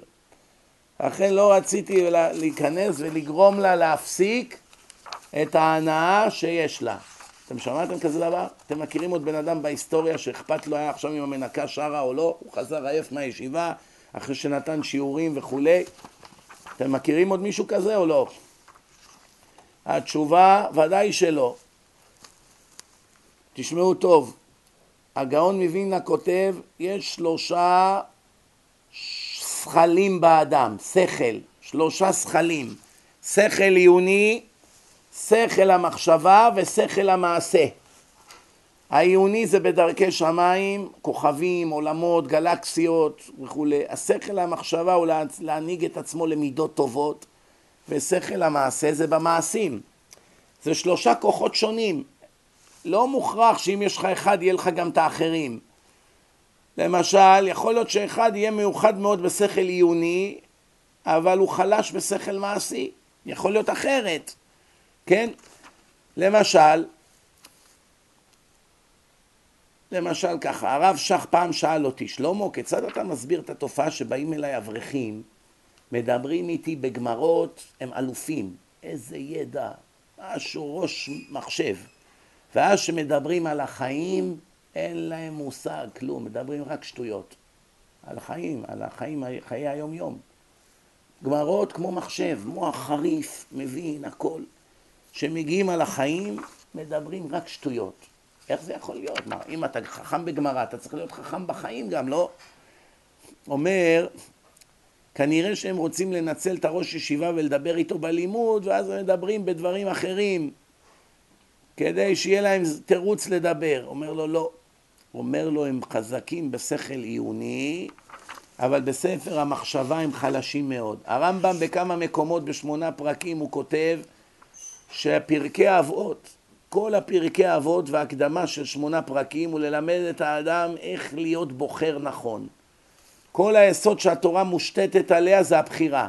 אם אין לי בחירה, איך הקדוש ברוך הוא מצווה אותי לעשות דבר שאני לא מסוגל לעשות? אם אני לא בוחר, מה אתה מבזבז את הזמן שלך לכתוב לי בתורה כל מיני אזהרות, כן? למה אני אקבל עונש על זה שעברתי על דבריך? הרי אני לא בוחר. אלא מבינים שוודאי שאני בוחר, ולכן יש שכר ועונש. וזה כל המטרה של התורה, לחנך אותך. אדם צריך לדעת את זה, הרבה אנשים לא יודעים את זה. הכל בידי שמיים, חוץ מיראת שמיים. זאת אומרת, הכל נגזר לך. חוץ מאם תהיה צדיק או רשע, זה רק ורק אתה בוחר. לעשות מצווה או לעשות עבירה. לדבר לשון הרע, לא לדבר. לתת צדקה או לגנוב. זה הכל בידך. אם תהיה זכר או נקבה, לא שאלו אותך. חכם או טיפש, מי הוריך, איפה תיוולד, לא שאלו אותך כלום. צדיק או רשע, הכל בידך. תבחר ימין, תבחר שמאל, אני לא מתערב לך. לא, לא עוצר אותך. כמו שרופא אשר ירפא את הגופות, שבא לרפא את הגוף, נכון? הוא צריך לרפא את כל הגוף, מה יעזור אם הוא רק ירפא איבר אחד ושאר האיברים חולים? הוא ימות. מה יעזור עכשיו? לא יעזור. אומר, בבתי ספר לרפואה, כל הסטודנטים שרוצים ללמוד רפואה, רופא עיניים, רופא שיניים, קודם כל הוא צריך ללמוד כמה שנים את כל הגוף. על כל הגוף. לא מספיק רק ללמוד על השיניים. לא מספיק ללמוד רק על עיניים. כל הגוף, כליות, לב, דם, הכל צריכים ללמוד. להכיר את כל אברי הגוף, מה החולי שלהם, מה רפואתם וכולי. אחר כך הוא מתמקד על העיניים או על השיניים וכולי, כן? צריך, הוא אומר ככה, השלב השני ברפואה לדעת מהם המאכלים שגורמים לחולי. איזה אוכל בריא, איזה אוכל לא בריא. לא רק איך הגוף עכשיו, מה, מה, מה, מה וכולי, אלא גם מה אוכלים. כדי שהרופא ידע להזהיר את החולה מה לא לאכול. ואיזה דברים מבריאים. אנטיביוטיקה, זעתר, שום, ג'ינג'ר, כל הדברים האלה. מהי התרופה שתרפא את המחלה מבחינת אכילה, מה יהרוג אותך. כן, רופא הנפש, זה הרמב"ם אומר, רופא הנפש שרוצה לתקן את מידות האדם, קודם כל צריך ללמוד על הנפש. מה זה הנפש? מה גורם לנפש מחלה? מה, מה גורם לאדם הזה שכל הזמן הוא עצבני? מה גורם לו להיות קמצן? מה גורם לו להיות כעסן? מה גורם לו להיות, לא לרצות לחיות? כל הזמן עצוב. מהי חולי הנפש? הדבר הראשון, קודם כל צריך ללמוד על הנפש. זה נקרא מודעות. שיכיר את תוואיו, דחפיו, יצריו, הדמיון וכולי. וילמד להכיר כיצד כל המבנה הזה מופעל ופועל. איך הגירויים מתעוררים בתת מודע, איך השכל מוציא לפועל, איך הרצון שולט על הכל, מתחיל את הכל. דברים שדיברנו עליהם בשיעורים קודמים. קודם כל הוא רוצה, אחר כך השכל מתחיל לתת לו רעיונות, אחר כך באים לו דברים מהתת מודע ומשפיעים על הבחירות שלו וכולי וכל הדברים האלה רק לאחר שהאדם ידע את כל מבנה הנפש ופעילותה יוכל ללמוד את דרכי השליטה והריפוי. שומעים? רק לאחר שאדם ידע את כל מבנה הנפש, איך הנפש עובדת, אז הוא יוכל לדעת איך אפשר לרפא אותה. אם הוא לא יודע מה זה נפש, מאיפה בא התאוות, מאיפה מתעוררים אצלו כל הדברים האלה, איך הוא ידע לרפות אותו? הוא צריך להכיר את הנפש ולהמליץ על דרכי ריפוי. צריכים לדעת את זה. הוא אומר ככה, כל עניין התיקון זה על ידי מודעות. אצל רופא נפשות מספיק שגילית מה הבעיה, 75% מהתרופה כבר יש לך.